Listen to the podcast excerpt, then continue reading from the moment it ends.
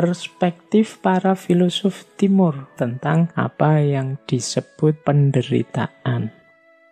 Kalau menurut para filosof timur secara umum penderitaan itu sebenarnya terjadi karena manusia ilmunya kurang, pengetahuannya kurang dalam.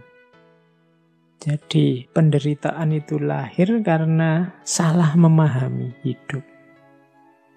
Makanya nanti di banyak tokoh-tokoh pemikir besar dari timur biasanya untuk mengatasi penderitaan pertama-tama harus dibereskan pengetahuannya, jalan berpikirnya.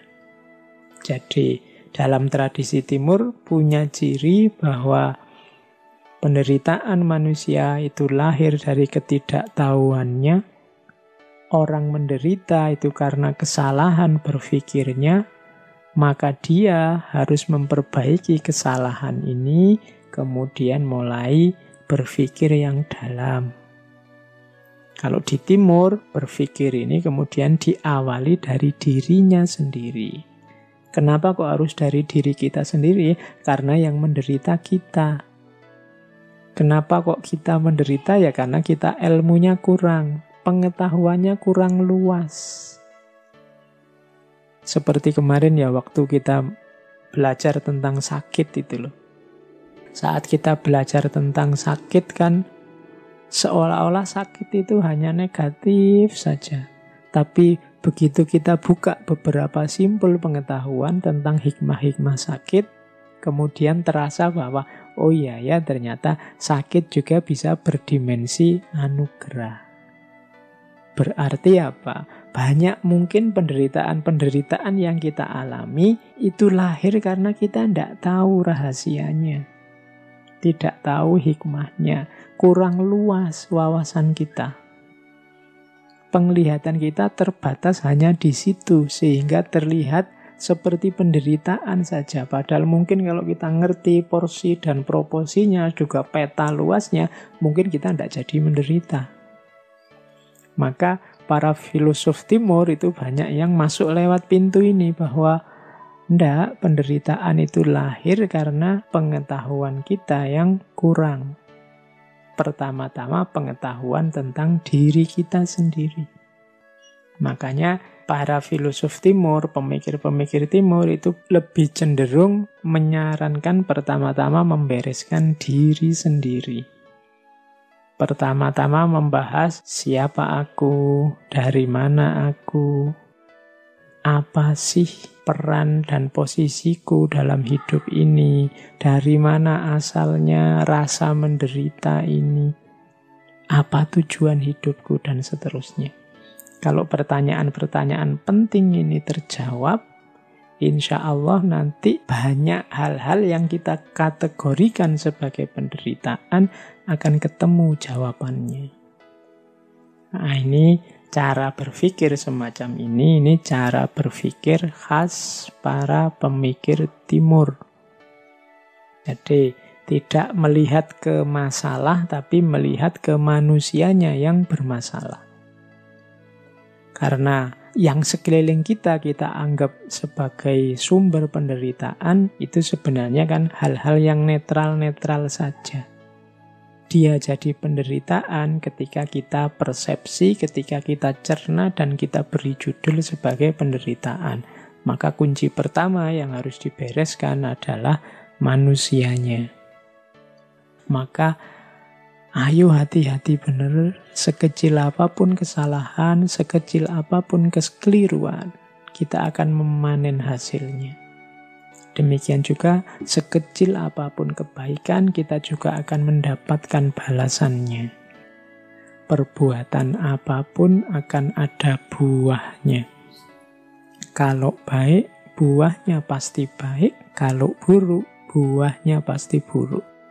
Famayya'mal mithqala dzarratin khairan yarah wa mayya'mal mithqala dzarratin syarran Ada kausalitas, ada sebab akibat dari perbuatan kita.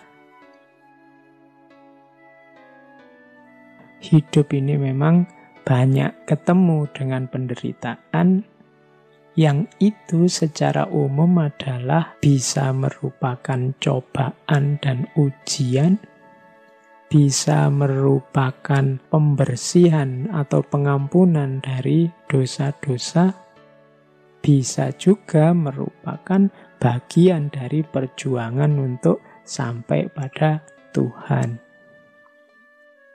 Ada kalanya penderitaan itu merupakan ujian, cobaan. Yang namanya ujian kan berarti pada akhirnya kita akan dapat reward kalau lulus. Orang yang punya perspektif ini melihat apa pun, mengalami apa pun, akan dipandang sebagai ujian yang harus dia selesaikan. Dia carikan solusi yang tepat sehingga akhirnya dia dapat pahala, dia dapat balasan, dia dapat kebahagiaan dari Tuhan. Itu gaya pertama.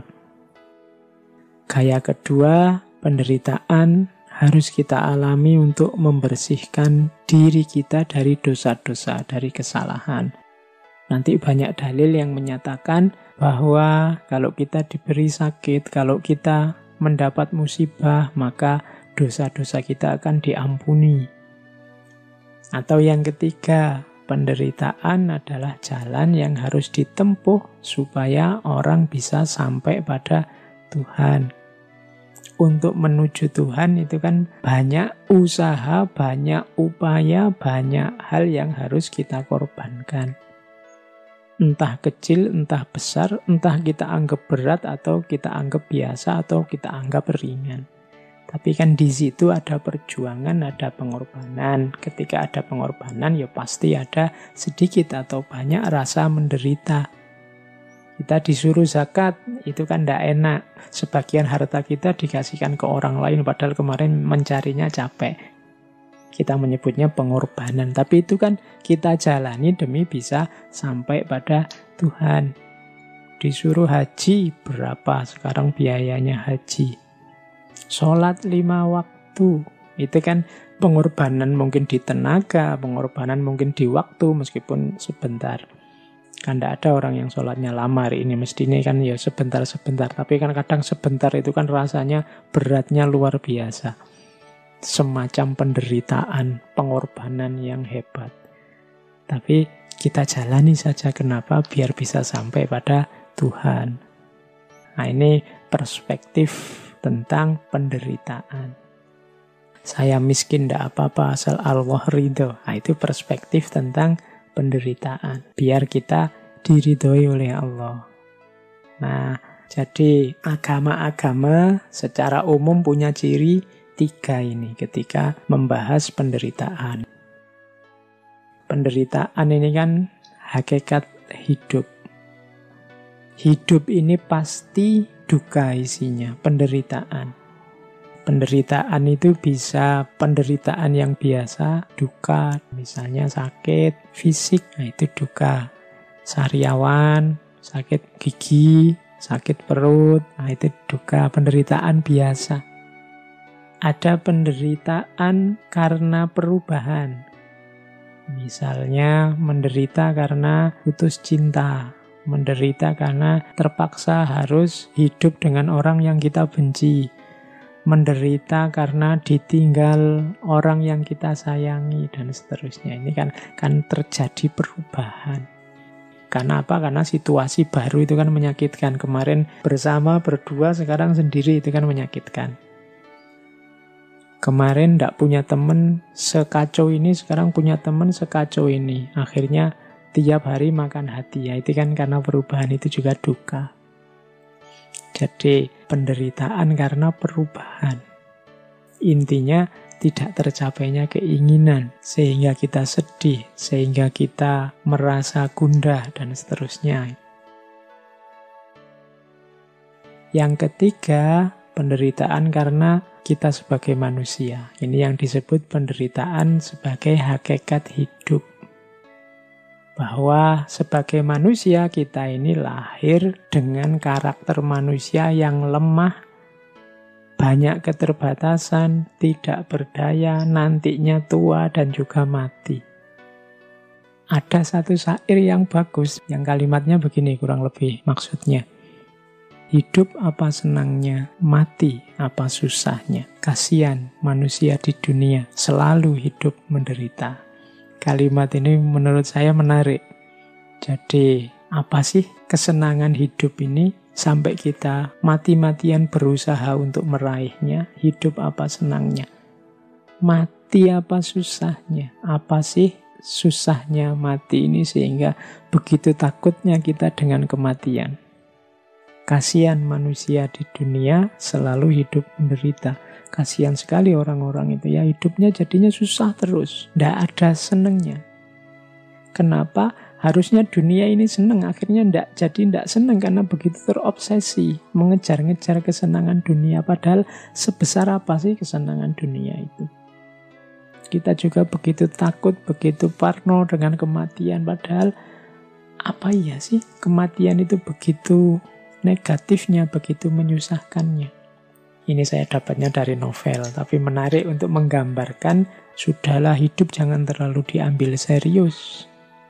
Hidup itu menyenangkan tapi juga tidak sebegitunya. Mati itu menyedihkan tapi juga tidak sebegitunya. Yang susah kalau orang terlalu memberati hidup, terlalu takut dengan kematian, akhirnya selalu hidup menderita. Sebabnya apa? Penderitaan itu ada dua. Nafsu dan kebodohan, kegelapan batin. Kebodohan berarti tadi ya, kurangnya pengetahuan. Kemudian kalau nafsu, keinginan yang tidak terkendali. Hasrat yang tidak terkendali. Jadi ternyata hidup kita ini menderita ketika hasrat kita tidak bisa kita kontrol, dan pengetahuan kita terbatas. Berarti solusinya bisa menyatukan tadi antara timur dan barat. Kalau Schopenhauer tadi inginnya kita mengontrol nafsu, mengontrol hasrat. Dan banyak pikiran timur menganggap bahwa kuncinya di pengetahuan. Ternyata ya memang dua-duanya. Bagaimana kita bisa mengontrol nafsu, mengontrol diri kalau kita tidak punya pengetahuan tentang diri kita sendiri. Berarti memang dua-duanya penting.